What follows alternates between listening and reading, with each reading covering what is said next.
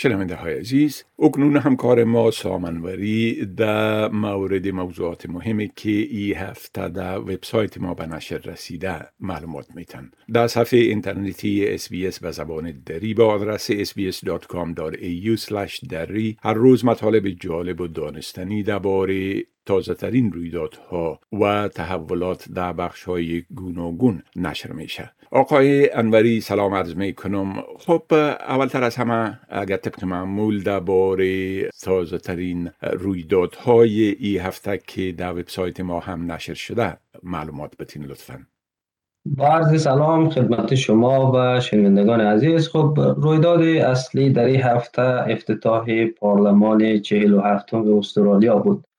بعد از انتخابات ماه می امسال که به شکست ائتلاف لیبرال ملی و پیروزی حزب کارگر منجر شد پارلمان جدید برای اولین بار روز سه شنبه 26 جولای با تشریفات معمول رسمی دایر شد. در این انتخابات حزب کارگر تعداد کرسی های خود را از 68 به 77 افزایش داد در حالی که ائتلاف با باختن 18 کرسی با 58 کرسی به مجلس نمایندگان بازگشته. این پارلمان از چند لحاظ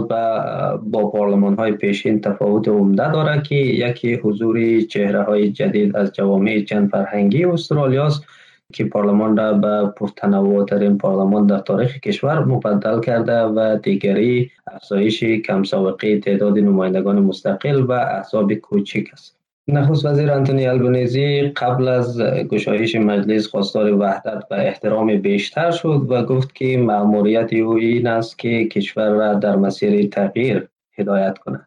یکی از اصلاحات عمده که حکومت کارگر در روز دوم اجلاس پارلمانی به مجلس معرفی کرد لایحه تغییرات اقلیمی بود. همچنین اصلاحات در سیستم مراقبت از سالمندان و قانونگذاری ده روز مرخصی همراه با برای قربانیان خشونت خانگیری و خانوادگی از اولویت های دیگر حکومت در هفته اول بوده.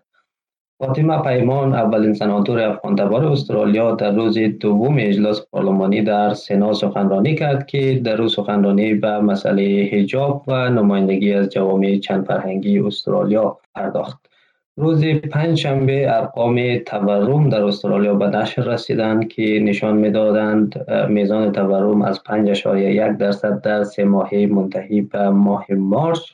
و 6.1 درصد در سه ماهه ماه جون رسیده که بالاترین میزان تورم در طول 21 سال گذشته است. گزارش در مورد سفر هنری روباب نواز پرآوازه افغان آمریکایی قیس ایسار به استرالیا داشتیم. آقای سار یک آهنگساز نوازنده و تهیه کننده معاصر است که با تلفیق رباب با موسیقی غربی توانسته است مخاطبان غربی را مجذوب رباب و موسیقی سنتی افغانستان کند. علاوه بر اینها اخبار و مطالب در مورد تظاهرات در حمایت از پناهندگان در سیدنی تمدید و تقویت همکاری ارتش با مراکز مراقبت از سالمندان فرهنگ انعام دادن در استرالیا و بردن سه جایزه بشردوستانه نیوزات ولز توسط فعالان افغان در روی ایالت داشتیم که شنوندگان عزیز ما می‌تونن اونا را در وبسایت ما دنبال کنند بله خب در باری مطلب پیرامون بلند رفتن تورم گفتین میشه که در این باره یک مقدار معلومات بتین؟ بله همونطوری که اشاره شد تورم در استرالیا به بالاترین حد خود در طول بیش از دو دهه گذشته رسیده که این راه را برای افزایش فراتر نرخ سود و بازپرداخت قرضه های مسکن هموار ساخته. بر اساس آمار دولتی که روز چهارشنبه 27 جولای منتشر شد تورم سالانه در استرالیا در سه ماهه منتهی به ماه جون به 6.1 درصد رسیده که این میزان از سه جون در سال 2001 و سو سابقه نداشته افزایش بهای نفت و املاک از بزرگترین عوامل بالا رفتن نرخ تورم بوده و عوامل مانند همگیری کووید 19 و حمله روسیه به اوکراین که باعث مشکلات در زنجیره تأمین گردیده مقصر اصلی این وضعیت دانسته شدند. نرخ تورم در حال بیشتر از پیش بالا میره که بانک مرکزی استرالیا در سه ماه گذشته پی در پی نرخ سود بانکی را برای مهار تورم افزایش داده. افزایش نرخ رسمی سود توسط بانک مرکزی که هدفش پایین کشیدن نرخ تورم به محدوده دو تا سه درصد است بر نحوه تعیین نرخ سود توسط بانک های قرض دهنده تاثیر می‌گذارد. نرخ رسمی سود در استرالیا در سه ماه گذشته از سطح تاریخی 0.1 درصد حالا به 1.35 درصد رسیده و کارشناسان انتظار دارند که بانک مرکزی در ماه های آینده هم به این سیاست تهاجمی خود مبنی بر افزایش سرعت یا سریع نرخ سود ادامه بده ما در گزارش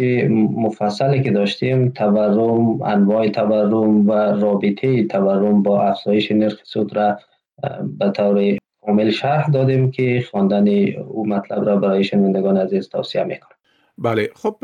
درباره مطلبی که پیرامون اظهارات سناتور افغان تبار فاطمه پیمان در مورد حجاب در مجلس سنا در وبسایت ما نشر شده اشاره کردین. اگر لطفا در ای باره یک مقدار توضیحات بتین بله فاطمه پیمان سناتور حزب کارگر در نخستین نطق خود در مجلس دختران مسلمان را که به انتخاب خود حجاب می کنند تشویق کرد که با افتخار این کار بکنند. این سناتور 27 ساله که دختر یک پناهنده سابق اهل افغانستان است نخستین زن مسلمان است که با کوشش اسلامی بر کرسی پارلمان فدرال استرالیا تکیه می‌زند همچنین خانم پیمان اولین نماینده افغان تبار در پارلمان استرالیا و جوانترین عضو مجلس کنونی است. سناتور پیمان از طرف حزب کارگر وظیفه گرفته بود که سخنرانی را در پاسخ به سخنرانی فرماندار کل دیوید هرلی در افتتاحیه مجلس 47 ایراد کنه. پاسخی که به طور سنتی اولویت های جنای حاکم را مشخص می‌کنه